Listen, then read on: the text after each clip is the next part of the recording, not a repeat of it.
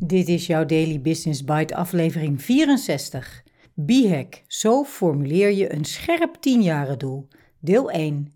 Door Remco Hogeveen op scaleupcompany.com. En ik ben jouw host, Marja den Braber. Je luistert naar Daily Business Bites met Marja den Braber waarin ze voor jou de beste artikelen over persoonlijke ontwikkeling en ondernemen selecteert en voorleest. Elke dag in minder dan 10 minuten.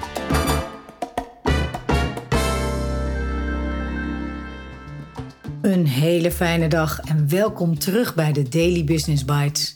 Of welkom als je voor de eerste keer luistert. Dit is de podcast waarin ik je de beste artikelen voorlees die je kan vinden over ondernemen en persoonlijke ontwikkeling. Soms een beetje te enthousiast, maar ik kan het niet helpen. Ik houd van het onderwerp en van lezen. Dus dank dat je met mij meeluistert vandaag en elke dag. De B-hack is het 10 doel dat je formuleert voor de organisatie. Oftewel een langere termijn doel dat inspireert en de organisatie extreem veel richting geeft. De B-hack betekenis is Big, Hairy, Audacious Goal. De term is geïntroduceerd door Jim Collins, die de term voor het eerst gebruikte in zijn boek Build to Last. Hij ontdekte na uitgebreid onderzoek dat ondernemingen die zo'n doel hadden geformuleerd veel beter presteerden dan organisaties die dat niet hadden. De term zie je tegenwoordig in veel methodieken voorkomen, zo ook de scaling-up methodiek. Na het lezen van deze blog weet je waarom je een BIEC nodig hebt, hoe je deze formuleert en hoe je deze laat leven in de organisatie. 1. Waarom heb je een B-hack nodig? De belangrijkste strategische beslissing. Scaling Up oprichter Vern Harnish noemt het formuleren van een B-hack een van de meest belangrijke strategische beslissingen voor de organisatie. Het is de droom die je voor ogen hebt en waar je naartoe wilt werken. Een B-hack moet ver weg liggen in de tijd. Maak je de tijdspannen korter, dan gaan mensen praktisch denken en komen ze snel op de inhoud. Dan is het geen grote droom meer, maar een kleiner doel. Je moet nog niet precies weten hoe je bij dit grotere doel moet komen. In de scaling-up methode wordt de Big Harry Audacious Goal ook gebruikt voor backwards planning. Dat wil zeggen dat je met het grote doel voor ogen begint en dan terugrekent naar vijf jaar doelen, één jaar doelen en kwartaaldoelen. Als je dat verder doorvertaalt, geeft het richting wat je deze maand, week en dag wilt bereiken. Leidraad voor het maken van keuzes. De B-hack is de droom of het doel waar je met z'n allen aan werkt. In groeibedrijven zijn er op dagelijkse basis veel keuzes te maken en zijn er ook veel nieuwe ideeën van medewerkers. Al deze keuzes en ideeën kun je tegen de B-hack aanhouden.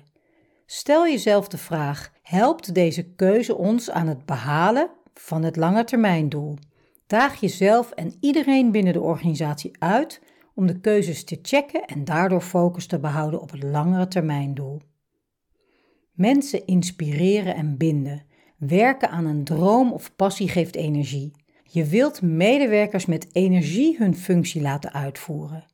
Daarnaast zoeken mensen steeds meer naar een betekenis. Het is een middel bij uitstek om mensen te betrekken, te binden en te behouden. Hoe gaaf is het als je samenwerkt aan het behalen van een droom? 2. Het BHAC-model. Een goede BHAC voldoet aan drie belangrijke voorwaarden. 1. De why van de organisatie komt erin terug. 2. Het past bij de kerncompetenties van de organisatie. 3. Het voldoet aan de profit per x, de economische drijfveer. In de afbeelding, zie via de links naar het artikel in de show notes, zie je waar de BHAC voor de organisatie vandaan komt in het midden van de drie voorwaarden die zijn gesteld. Klopt het niet bij één van de drie voorwaarden, dan heb je geen goede B-hack. Als het bijvoorbeeld niet bij de Y past, dan is het niet inspirerend. Past het niet bij de profit per X, dan heeft het geen bestaansrecht. Past het niet bij de kerncompetities, dan past het niet bij de onderscheidende kracht van de organisatie en kun je het niet waarmaken. Kort samengevat, zet de BIEC aan tot groots denken en doen over een lange periode van tijd. Het is super motiverend en inspirerend voor alle stakeholders. Daarnaast zal een BHAG eenvoudig te onthouden moeten zijn en meetbaar, zodat je weet of je op koers ligt. We noemen het de vuurpijl van je strategie. Daily Business Bites met Marja Den Braber.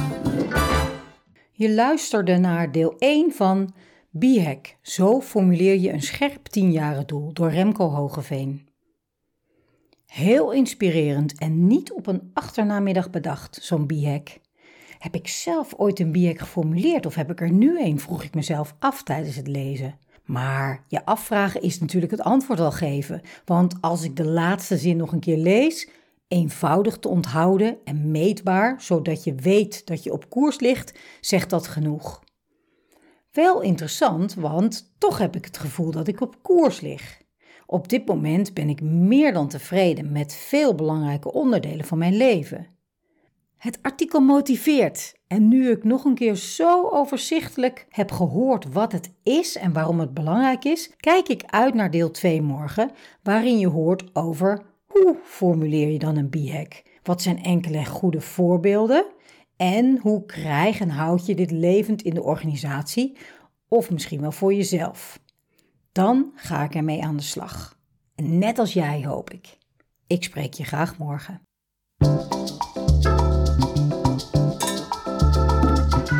Dit was Daily Business Bites.